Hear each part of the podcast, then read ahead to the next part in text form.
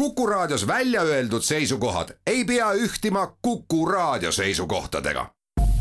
Te kuulate Kuku Raadiot. järjejutt. Samantha Silva, armastus ja raev, Mary Wollstonecrafti lugu, inglise keeles tõlkinud Liisi Rünkla Postimehe kirjastuselt. järjejutt. kujuta ette, linnupojake ma olin kuusteist tundi teel ja siis juba astusingi välja palavas haisvas Londonis, rahvasummas, peente inimeste ja rõhutute seas ja mind tõmmati ja tõugati mööda tänavaid, mida ma vaevu tundsin. astusin üle teiste inimeste solgiveenirede ja mõtlesin, et olen jõudnud paradiisi. minu vangistus oli lõppenud, ehkki olin maailmas üksi. nii ma tahtsingi enam mitte kunagi ei lase ma kellelgi teisel määrata, kus ja kuidas ma elan ja millised on minu kui inimese piirid. ma tahtsin vanni, tahtsin endalt maha pesta teetolmu, Iirimaa, Lady Ka ja mis kõige jubedam, mälestuse kallist Margaretist, kes mu tõllale järele jooksis ja kuidas meid teineteisest lahti rebiti. aga mul ei olnud kuhugi minna ja mul ei olnud aimugi, kus ma sel ööl magada saaksin oli ainult üks koht, kuhu ma tahtsin minna, kuigi mind seal sugugi ei oodatud. niisiis, oma õmmeldud kleidis, paksu tallaga kingades, peas lamedapõhjaline piibrinahast kübar, haarasin oma kohvri, milles oli rohkem raamatuid kui riideid, ja asusin teele St Pauli katedraali poole. kõndisin läbi kitsaste hämarate tänavate nagu läbi sünnikanali, suunaks selle mehe tööruumid kes oli minu ainus lootus siin maailmas. jumal, see on ju Mary Wollstonecraft, ütles Joseph Johnson, kui ta ukse avas ja mind nägi sorakil ja vihmamärga. Te olete ju nagu tormist räsitud Miranda. ma tunnen end tavaliselt pigem Hamletina, vastasin. ta naeris ja kutsus mu sisse võttis mu suure kohvri ja seadis selle kenasti ukse taha, nagu oleks ta mind oodanud. No ja, Hamlet on siin alati teretulnud, ütles ta. olla või mitte olla, nagu ta just soovib. ta valas mulle sissejuhatuseks sherrit, pani teki mu märgade õlgade ümber ja kutsus mu istuma oma laua äärde, mis oli sada korda rohkem segamini, kui ma mäletasin, nagu kogu tuba õigupoolest. meid ümbritsesid raamatuvirnad või lausa mäed. Nad ulatusid peaaegu laeni välja katsid peaaegu kinni ainsa akna ja varjasid valguse. aga see kopitanud hämarus mõjus kesksuvel niisama hästi, kui soe tuli talvel. sain joogist julgust juurde, aga olin juba tulles kindel olnud. mul on nüüd uus plaan, Mr Johnson, ütlesin tooliserval istudes. tahan elada puhtalt kirjutamisest. ta avas juba suu, et midagi öelda, aga ma ei olnud veel lõpetanud see kõne oli minu vaimus kuju võtnud kogu tee Iirimaalt Londonisse või ehk kogu möödunud aasta või lausa kogu mu elu. ja nüüd oli minu võimalus see kõne pidada. ma pean iseseisev olema, see on minu elu ülesanne. ma ei ole sündinud sisse tallatud radasid kõndima, selline ma juba kord olen ja ma tean küll, et mehed harilikult naeravad, kui naised on midagi otsustanud, aga mina ei ole kunagi otsustanud midagi tõesti olulist, ilma et oleksin selles tõesti vankumatult kindel, kui tahes ebatõenäoline see siis ka ei paistaks. ta nõjatus tooli seljatoele ja uuris mind, saledad käed täiuslikuks torniks kokku pandud. kõigepealt teatavasti pole ma oma soo kõige veatum esindaja. mul on astma, ma olen lühikest kasvu ja mul on nõrkus trükimustrilise sitsi vastu aga teie juures ei peaks ma midagi ebatõenäoliseks, mis Wollstonecraft. siiski, kuidas te mõtlete seda teha? tegin koti oma süles lahti ja tõmbasin välja tõtakalt kokku korjatud käsikirja, rullisin lahti, püüdsin lehekülgi sirgemaks siluda ja asetasin meie vahele lauale, mitte et seal eriti ruumi oleks olnud. ma kirjutasin romaani ühest naisest nimega Mary. milline üllatus ütles ta ja võttis selle oma kätte. pulmakellasid siin vist ei kosta, ma eeldan. ei, ta on äärmiselt tundlik, suurvaimud ikka on, tulenegu siis üksteisest või vastupidi, aga tema tunnetus ei ole jäljendav, normikohane, kunstlik, mõjutatav. ta näeb värskelt, algupäraselt, iseseisvalt, sundimatult, loomulikult, uuenduslikult, loominguliselt, tõeliselt, ausalt, ise. ja see kõik on siin sees, küsis ta lehitsedes. kas ta üldse abiellub? jah, aga õnnetult. muidugi. jääb ellu või sureb? õnnelikud lõpud mind ei köida, ütlesin mina. niisiis sureb. aga ta on vaba, armastama keda iganes tahab, taevas, igavesti. Ta köhatas kurgu puhtaks. taevas on tore, aga mind huvitab rohkem maapealne elu. aga kas te vähemalt loeksite? ikka aga ega ma ei pruugiks. annan teile selle eest kümme naela. ta ootas, kuni ma oma lahti vajunud suu uuesti kinni sain. aga pange tähele, et end kirjutamisega elatav naine peab mõtlema, kuidas teenida raha pidevalt. Tundsin, kuidas mu õlad longu vajusid ja tekinurk maha libises. ma ei tea, kuidas pidevalt raha teenida. siin on vist minu plaanis mõra. juba nii sünge mul on kombeks tuska tunda ja meelt heita. jätke need kombed, võib-olla kirjutaksite arvustusi, tõlgiksite. võiks vist küll. mis keeli te oskate? no jaa, natuke inglise keelt, ütlesin lootuses ta naerma ajada, mis õnnestuski. pinnaliselt prantsuse keelt, õige pisut portugali keelt, aga ma õpin mis tahes keelt, mida teil vaja on aga kuidas oleks käitumisjuhistega abiellumiseas tüdrukutele? kas võiksite midagi sellist teha? ta kulmukortsutus pani küsimusele punkti. kõhklesin, tundes, et minu saatus on tema kätes. Ausalt öeldes heidaksin end pigem Blackfriarsi sillalt jõkke. ta naeris jälle. täpselt seda ma lootsingi kuulda. nüüd öelge mulle, kus te peatute kuidas küll süda üles-alla peksleb, linnupojake. küllap oli mu paanika talle näha. ta tõusis järsult ja toetas käe raamatuvirnale, nagu annaks vannet. siin. Te peatute siin, kuni leiame teile midagi paremat. Muidugi, kui te ei arva, et üksikul naisel oleks skandaalne magada ühe katuse all üksiku mehega, ilma et keegi neil silma peal hoiaks. mind ei huvita, mida minust arvatakse abielluda ma niikuinii ei kavatse ja turule ei kuulu. olen praeguseks ilmselt juba nagunii vanatüdruk. siis oleme koos vanatüdrukud. ta näitas mulle kaht korrust oma toimetuse ja trükikoja kohal, kus ta elas. Need ei olnud sugugi elegantsed. põrandad olid viltused, laed madalad, rohmakad seinad kummaliste nurkade all, toeks ainult raamatud, nagu hoiaks kogu asutust üleval üksnes sõnad ja nahksed köiteseljad isegi söögituba teenis vabatahtliku raamatukoguna, kuigi laud ja toolid olid hästi sisse töötatud ja ühel seinal paistis suur maal, mida ma poolhämaruses hästi ei näinud. siin-seal hakkas küll silma trükimustrilist sitsi, aga see kodu oli sisse seatud eelkõige mõtlemiseks. ta juhatas mu magamistuppa ja tutvustas mulle teenijat, üht vana naist, mõnevõrra meie Mrs B moodi kes pidi mind vanni asjus aitama, kui mul ehk soovi oli. oo, jumalik vann! ta valas sooja vett mu juustele, seljale ja õlgadele, pesi mu Mitchelstownist puhtaks. see mõjus nagu ristimine. Ma igatsesin Margareti järele, aga minu omaks ei saaks ta kunagi. ma olin kakskümmend kaheksa aastat vana, omal valikul vallaline ja lasteta. mul oli võlgu maksta õdede eest hoolitseda, fänniperekond, kes tuge vajas ja süütunne nende kõigi pärast.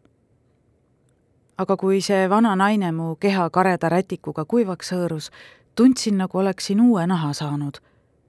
Esimest korda elus ja kellestki hoolimata ronisin päris alasti suviste voodilinade vahele ja magasin nagu merelt koju jõudnud meremees hommikul ärkasin selle peale, et kuulsin ukse taga samme tõmbasin endale kleidi selga ja leidsin lävelt pisikese kannu auravat teed koorekannukesega seal kõrval kandikul ja oma käsikirja Johnsoni parandustega. Need olid leebed, aga täpsed. Ma ei ole õieti kunagi grammatikat õppinud ja minu stiil pole just elegantne, aga sellest, kui tähelepanelikult ta raamatuga tegeles, nägin, et ta on asja oma hoolde võtnud. panin prillid ette ja asusin kohe tööle, ei küsinud isegi vett silmapesuks, saatsin teeni ära, kui ta mind lõunale kutsus ja lõpetasin alles õhtusöögi ajaks, saades äkki aru, kui palju tunde on möödunud. Need tunnid ei olnud mitte kadunud, vaid leitud. ütlen sulle, mu armas tütar Nende mõne nädala jooksul leidsin Johnsoni katuse all oma elu esimese tõelise kodu, kui Fanny Plaad välja arvata.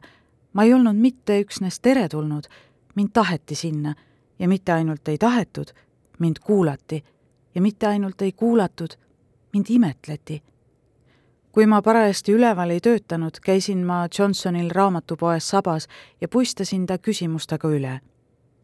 arutasime grammatikat ja asjade tähendust mängisime mõtetega. õhtuti istusin õhtusöögilauas tihtilugu ainsa naisena, aga tema silmis võrdsena. mul oli sama palju õigust seal olla kui kellel tahes teisel. Joseph Johnson kohtles mind inimesena, kes ma uskusin end olevat või kelleks ma saada tahtsin. Linnupojake, maailmas on häid ja halbu inimesi, aga siis on veel täiesti teistsuguseid inimesi. On inimesi, kes näitavad valgust, et me kõik võiksime paremini näha, kuhu me õieti läheme. ta leidis mulle pisikese lustakatest kollastest tellistest ridamaja George Streetil kümneminutise jalutuskäigu kaugusel üle jõe ja kutsus oma maal elava perekonna juurest minu jaoks teenija tüdruku, kes käiks turul, teeks süüa ja koristaks. ma ei osanud tüdrukule kuidagi ülesandeid anda õigupoolest kohutasin ma ta päris ära, kui ütlesin, et võiksime koos süüa, kui ma kodus olen. ma olin näinud, kuidas Lady K oma teenijaid türanniseeris ja olin tõotanud, et mina ei tee iial niiviisi. see ei olnud just stiilne linnaosa, aga minu jaoks polnud see tähtis. Mööbli jaoks mul raha ei olnud, uusi rõivaid ma ei ostnud, juukseid ei lokkinud, puhvinud ega puuderdanud. aga mul oli omaenda elamine voodi, laud, tool, paber, tint ja teravad suled. mida muud võinuksin ma tahta? töötasin romaani kallal ja valmistasin Johnsonile üllatuse, näidates talle raamatu jagu lugusid oma Mrs Masonist ja kingitüdrukutest, mille mõtteks oli moraaliõpetus nii lastele kui täiskasvanutele. niisiis käitumisõpik, mida te lubasite mitte iial kirjutada, küsis Johnson teatavat tüüpi käitumisõpik, et vormida meelt tõe, headuse, kaastunde järgi. no jaa, mulle see meeldib. anname kõigepealt selle välja, lugejad neelavad selle vagaduse ja vooruse alla ja siis virutame neile teie romaaniga, radikaalse Wollstonecraftiga. kui õnnelik ma olin, tütreke, kui ma parajasti ei kirjutanud, jalutasin tolmuselt Londonis millest sai kiiresti minu linn. iga päev kõndisin Themsi ääres mööda sagivat kaldapealset, kus laevad olid kokku surutud nagu puuhalud riidas. kandsin lihtsaid rõivaid, juuksed lahtiselt seljal, külma ilmaga panin pähe piibrinahkse kübara, sooja ilmaga õlgkübara. kui mind oligi veider vaadata, ei hoolinud sellest keegi. teenisin vähema vaevaga rohkem raha, mu tervis paranes kadusid peavalud, kõhuprobleemid, kuudepikkused meeleheitehood. hingasin hõrku kevadõhku, rahul, nagu oleksin uuesti leidnud oma hinge. Fanny oli ikka veel minuga, iga päev, aga tema kaotus ei torkinud enam. iga päev kella viie ajal kõndisin Johnsoni majja õhtust sööma. minu igapäevane palverännak mööda Great Surrey Streeti Albion Millsist mööda Blackfriarsi sillani, mis oma toekate kivist kaarte ja taladega oli mu jalge all otse kui sild minu vana ja uue elu vahel. sealt oli vaade kogu Londonile, Westminsterist Billingsgate'ini ja kõigele, mis nende vahele jäi. St Pauli katedraali kuppel kõrgumas kõige selle kohal. jalutuskäigust reibas saabusin Johnsoni ülemise korruse söögituppa ja leidsin eest omaette maailma, kus mulle meeldis rohkem kui kusagil mujal. õhtusöök ei olnud kunagi ei suur ega kuigi rikkalik. salongis jooke ei pakutud ei enne ega pärast, ei olnud mitme käiguga mängimist, kõik oli korraga laual ja tõstsime endale ise ette. toit oli lihtne, mõnikord keedetud tursk, teinekord röstitud vasika või veiseliha, kartulid, köögiviljad, riisipuding. mingil määral see varieerus, aga vein oli eriline ja seltskond alati suurepärane. mõnikord ilmus sinna mu vana õpetaja Price, tihti mu sõber Hewlett, mõnel õhtul John Bonnicastle, kes kirjutas lihtsale lugejale matemaatikast ja teadusest, siis William Blake kes tahtis meeleheitlikult joonistada mida iganes Johnson soovis, sealhulgas minugi lasteraamatusse, siis William Cooper, nukker noor luuletaja, kes vajas laenu, et elus püsida, ja loodusuurija Erasmus Darwin. Need olid säravad vaimud ja kuldsuud, kes uskusid, et maailma saavad muuta ideed ja kes nagu Hewlett uskusid sedagi, et mõistuse toel saab inimest kui liiki täiustada esialgu ei saanud ma õieti aru, mis osa minul selles lauas on. aga kui sügiseks oli Johnson välja andnud minu jutud ja romaani ja minu nimi oli raamatukaanel, tundsin, kuidas nende lugupidamine kasvas. see tähendab, seni kuni kauaoodatud Henry Fuseli, Johnson muudkui aga rääkis temast, saabus ringreisilt Roomast. ta oli Johnsoni parim sõber kuigi raske olnuks leida kaht veel erinevamat inimest.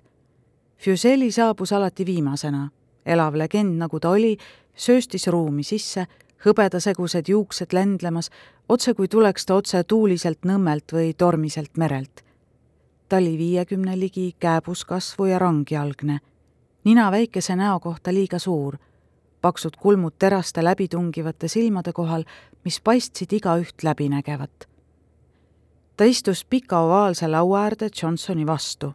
see koht kuulus alati talle, pildi ees, mille ta ise maalinud oli ja mis ruumi valitses. magav naine valges valguses, avarais rõivais, käed ja pea üle voodiserva, juuksed kosena langemas ja teemonlik luupainaja tema niuetel kükitamas. Maal oli üleni tume, ainus valgus oli see naine ise ma ei saanud seda mitte vahtida nüüd, kui kunstnik ise kohal viibis. ah, minu luupainaja, kas see ehmatab, hirmutab või erutab teid? küsis Fuseli, kui märkas, et põrnitsen seda üle tema õla. paistab, et tal on väga halb uni, ütlesin. märkasin, kuidas Fuseli Johnsonile särava pilgu heitis, nagu ütleks, et ah, tõid mulle uue saaklooma. oh ei, ütles Fuseli see on valus ja vapustav ekstaas. luupainaja on temaga une pealt armastust jaganud, ta on üdini läbi raputatud, hõrgult väsinud. ta kehitas õlgu. või siis sõi ta midagi halba. Fuseli oli teravmeelne ja riiakas, oskas kaheksat keelt ja oli teoloogia alal kraadi kaitsnud vestlust pidas ta veriseks võitluseks, ta võis rääkida kõige kõrgemast, aga eelistas kõige madalamat teda jumaldati, kui ta oma seksuaalseid vallutusi üles luges nii meeste kui naiste seas. ma sain aru, et ta soovis mind kohutada, aga ma ei tahtnud talle seda rahuldust võimaldada. ei, mind ei ole nii kerge erutada, ütlesin ma oma kartulit korralikult neljaks lõigates. ma ei ole ülemäära kombeline, ma lihtsalt usun, et seks rõhub naisi, see ei vabasta neid sugugi see kahtlemata vabastab neid rõivastest ja piirangutest, ütles ta, ajades seltskonna naerma. kas te pole mitte abielus, Mr Fuseli? olen tõesti, abiellusin hiljuti, aga Sofia Rawlinsil on needsamad privileegid, ma kinnitan teile. võrdsus seksis, seda te ju tahate? sugude võrdsust, jah aga võrdsust on raske saavutada, kui andekad mehed otsivad endale väga sageli kaaslasteks nõrgemad, ilusad, lapselikult elava loomuga tüdrukud, nagu kepsutavad talled või kassipojad. ah, minu pruut on tõesti elava loomuga ja ilus ja kepsutab nagu põrguline. Mrs Fuseli ei ole mõni lohakas filosoof. tema juuksed ei ole sugugi laokil, ütles ta oma lihatükki lõigates panin kahvli ja noa käest. eelistaksin, et räägiksite minu lausetest, mitte mu juustest. no jaa, minu meelest on need puhalõdvad ja laokil, mingit struktuuri ei ole. minu laused või juuksed. ta peitis oma naeratuse noaga vehkimise taha. Teil on selline korratu, tormakas stiil. see on aus. nii ma mõtlen ja tunnen ma otsin hoogu, avatust kogemusele, ausust. jõuetud armastusse klammerduvad romansid mind ei huvita. jõuetud, ütlete? sekkus Darwin, kuuekümneaastane kogukas mees, kellest tekkis mängulust. kas te olete lugenud minu Taimede armastust? seda peeti vallaliste naislugejate jaoks liiga pornograafiliseks. tõtt-öelda, ütlesin mina küsis minult üks naine, kas ta võiks teie raamatut lugeda oma naiselikku õrnust kaotamata. ja kuidas te vastasite? küsis Johnson. et see ei ole võimalik ja et ta peaks tingimata lugema. Darwin heitis pea kuklasse ja naeris, siis pühkis nägu salvrätikuga, mis oli otsapidi kaeluse vahele torgatud ja jäi korraga tõsiseks teate, igal isendil on teatav kombinatsioon mehelikest ja naiselikest suguorganitest. Need on tema sisse ehitatud just nii, nagu loodus on tahtnud. Erasmust huvitab paraku ainult lillede suguelu, ütles Fuseli ja heitis mulle pilgu oma tumedatest silmadest. ma olen aru saanud, et näiteks kannaliili ja igas uhkes õies on koos nii mehelikud kui naiselikud organid, ütlesin täiuslik korraldus, ütles Darwin. meie miss Wollstonecraft tunneb botaanikat. ma olen kunagi lähedalt tundnud inimest, kes tundis, ütlesin, tekitades laua ümber uudishimuliku vaikuse. ja teie botaanik oli pigem emaka või tolmukatega? küsis Darwin, endal suu rostbeefi täis. Fuseli toetas lõua kokku pandud kätele ja ootas mu vastust pakun, et temakaga, ütles ta, nagu loeks mu mõtteid. Teie romaani Mary suhe oma sõbrannaga on väga kirglik. asja mõte on, et inimene võiks armastada vabalt, sugu ei ole tähtis.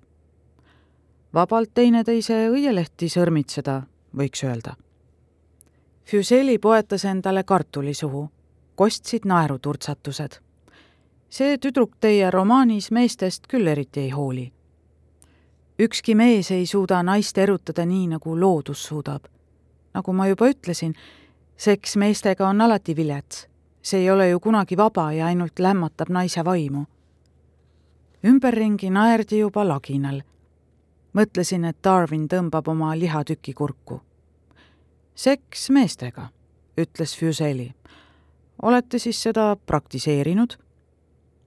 punastasin, tundsin seda ma ei olnud iial meest armastanud, see oli tõsi. ma ei usu, et ükski mees oli armastanud mind. aga ma olin armastanud naist ja mälestus temast oli kõige hinnalisem, mis mul üldse oli. ma olen abielu vastu, mitte meeste vastu, ütlesin. naiste jaoks on see türannia, see teeb neist abitud kuulekad olevused, täpselt nagu me kõik end kuningate ees alamateks arvame Johnson tõstis klaasi. näete, ütles ta, see ongi minu eriala leida alles kasvavaid suurvaime, oodake veel pisut. Mary Wollstonecrafti mäletatakse kauem kui kedagi teist meie seas. tundsin endal Fuseli kõrvetavat pilku. niisiis väljakutse, ütles ta vaikselt sel ööl üksi voodis lebades tundsin, et mu keha on mulle võõras see oli otsekui tardunud kusagil ajas, samas kui minu pea oli ilma kehata kaugele edasi rännanud. kehast oli nüüdseks saanud museaal, mälestusese mingisugusest armsast minevikust, kui nauding veel võimalik oli. kui Fanny suri, otsustasin ma ohverdada oma tunded ja troosti ja naudingu millegi heaks, mida ma pidasin käitumise puhtuseks, teiste eest hoolitsemise heaks mõtlesin, et võiksin tõusta oma maisest olemisest kõrgemale, et siin ja praegu ei ole minu jaoks võimalik mingi selline õnn, mida Fanny mulle soovis. sest saati elasin oma pea sees, sirgete seinte ja jäikade, kõva seljatoega toolide vahel. ihal ei olnud siin kohta. sellest õhtust peale vehklesime Füseliga õige korrapäraselt. ta oli Johnsoni lauas alati kohal ja lõi mulle külge, olin ma ju väga sageli seal ainus naine, kes talle ette jäi. alguses hoidsin ma eemale, püsisin kindlalt, aga jäime muudkui kauemaks keerlesime ühelt mõttelt teisele nagu oma mõtete villa kraasides, tõmbasime ja pigistasime ja väänasime neid pingsaks lõngaks. ma tahan teid maalida, ütles ta. ja mida Sofia Rollins selle kohta ütleks? Igal ööl olen ma ju abieluvoodis tagasi, küllap on ta rahul tõesti jõudis ta igal ööl oma voodisse tagasi, kui tahes kauaks me laua äärde jäime kuni küünlad lõpuni põlesid ja me pimeduses edasi jutlesime. nii lähedane ei olnud ma kunagi varem ühegi mehega olnud. kuigi tema ettevaatlikud katsed veelgi lähemale pääseda lükkasin ma tagasi. mind üllatas, kui ta ühel õhtul oma naise kaasa tõi. Mõtlesin, kas naine on tulnud nende omavahelisele kokkuleppele vastavalt võistlejaga tutvuma või ehk oma nõusolekut andma. ta oli abikaasast palju noorem amatöörkunstnike modell, koketeeriv iludus, tavapäraselt avar dekoltee, prantsuse siidkleit sadade kahvaturoosade lehvidega, rõhutamaks ta põski. juuksed olid seatud keerukalt ja suurejooneliselt. see oli peaaegu arhitektuurne ehitis. Kõrvades rippusid juveelid. kui ta suu avas, ootasin teist leedi Kingsborrow'd aga tema ei kartnud oma mõtteid väljendada ja tema eeliseks oli püstine nina, mis andis talle teatud üleoleva hoiaku. Sophia Rollins oli tulnud võitlema. Fuseli ütleb, et te olete hea vihkaja, miss Wollstonecraft. väga karm kõigi naiste vastu, te põlgate ja naeruvääristate neid. õigupoolest ei ole ma kunagi varem kohanud naist, kes omaenda soo vastu nii karm oleks, ütles Fuseli või romaanide vastu, ütles Johnson. viskas täna neid ühe portsu mu lauale ja küsis, kas tahan, et ta selle kuu sees veel sentimentaalset rämpsu arvustaks. jah, tema sulg on nagu nuga, sellega kõlbaks kala lõigata. kõik naersid, välja arvatud Sofia. Mispärast te keelate meile ainsat indulgentsi, mis on ainult meie oma, Miss Wollstonecraft? ma pean romaanidest väga lugu, ütlesin välja arvatud neist, mille naised on kritseldanud tühistest iluasjakestest ja sellise koega, mis üksnes kinnitab meeste hedonistlikke unelusi ja teeb meie soo nõrgaks. ühest arvustusest piisaks neile kõigile. kuulake, ütles Darwin. niisiis, naisautori romaani eelistatud koostisosad. naeruväärsed tegelaskujud, ebatõenäolised sündmused, ebamäärased, kunstlikud tunded arvamuste asemel naised, kes on kogu aeg ülierutatud, lahtised juuksed, õhetavad põsed ja nad muudkui jooksevad, minestavad ja ohkavad, iga tundevirvendus paiskab nad ümber. oh, ja kindlasti võib arvestada ängistuse ja rõhumisega ja voorused saavad kahtlemata kuue hobuse tõllaga tasutud. Mulle tundus, et isegi Sofia surus muige alla. kõige parem on mõni kurb kannatuslugu, mõni sünge õnnetus, eelistatud teemaks on muidugi surm armastuse nimel, tusk, hullumeelsus, igavesed pisarad ja muidugi ohvrit aeglaselt tõgiv surm. mehed kõlistasid lusikatega oma klaasides, mu etteaste lõbustas neid. aga teiegi raamat lõpeb ohvrit aeglaselt tõgiva surmaga, ütles Sofia. Mind üllatas, et ta seda lugenud oli. minu Mary tunneb inimsüdant ta areneb läbi oma vigade. ja sureb siis igatsusse oma elu armastuse järele, kelleks on surnud naine. Sofia oli sõrme otse mu haava torganud. ma uskusin, et nad võiksid mõnes teises maailmas kohtuda. vähemalt lootsin nõnda mina arvasin teie mustade villaste sukkade ja rohmakate villaste kleitide järgi, et tahate nunnaks või lüpsjaks. aga nüüd ma näen, te leinate, kas pole? oma elu armastust? istusime üle laua, otse teineteise vastas. mehed vaatasid ühelt teisele, keegi ei liigutanud. rõivastun nii, nagu sobivaks pean, ütlesin, ja mitte nii, nagu mõni mees heaks arvab. Pole just väga ohtu, et mõni mees teid selle kostüümi seest välja tõmbaks, ütles ta ja pani laua pisut kohmetult naerma. märkasin Fuseli silmis sädet, teatavat uhkust Sofia väleduse üle. ta oli naise kaasa toonud, et temaga uhkeldada, tal vabalt joosta lasta, mulle ära teha ja minu üle naerda. flirt oli julmaks läinud. tajusin, kuidas kõik mind vaatavad, peaaegu haletsedes viisi, kuidas Sofia ähvardab mu elusast peast nahka panna isegi vaene Johnson sonkis toitu oma taldrikul. mina otsin midagi mõnevõrra kõrgelennulisemat kui see, et mõni mees mu välja tõmbaks. ütleb naine, kes pole kunagi armastanud, ütles Sofia. Öelge siis meile, mida te otsite. sõnad tormitsesid mu suus. Mina tahan ise mõelda ja tunda, vaadelda, mõtelda, kujutleda kirgast vaimu ja peent närvi, mis tunneks joovastust ja loodust, võnguks kõigega kaasa. tajusin oma hääle jõudu, tajusin, kuidas mehed kuulasid. Darwin jättis mälumise katki. Johnson pani kahvli käest. isegi Fuseli oli haaratud.